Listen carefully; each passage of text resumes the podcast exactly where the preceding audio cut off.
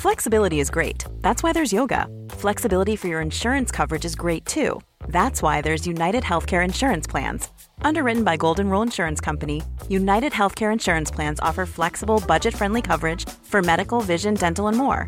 One of these plans may be right for you if you're, say, between jobs, coming off your parents' plan, turning a side hustle into a full hustle, or even missed open enrollment.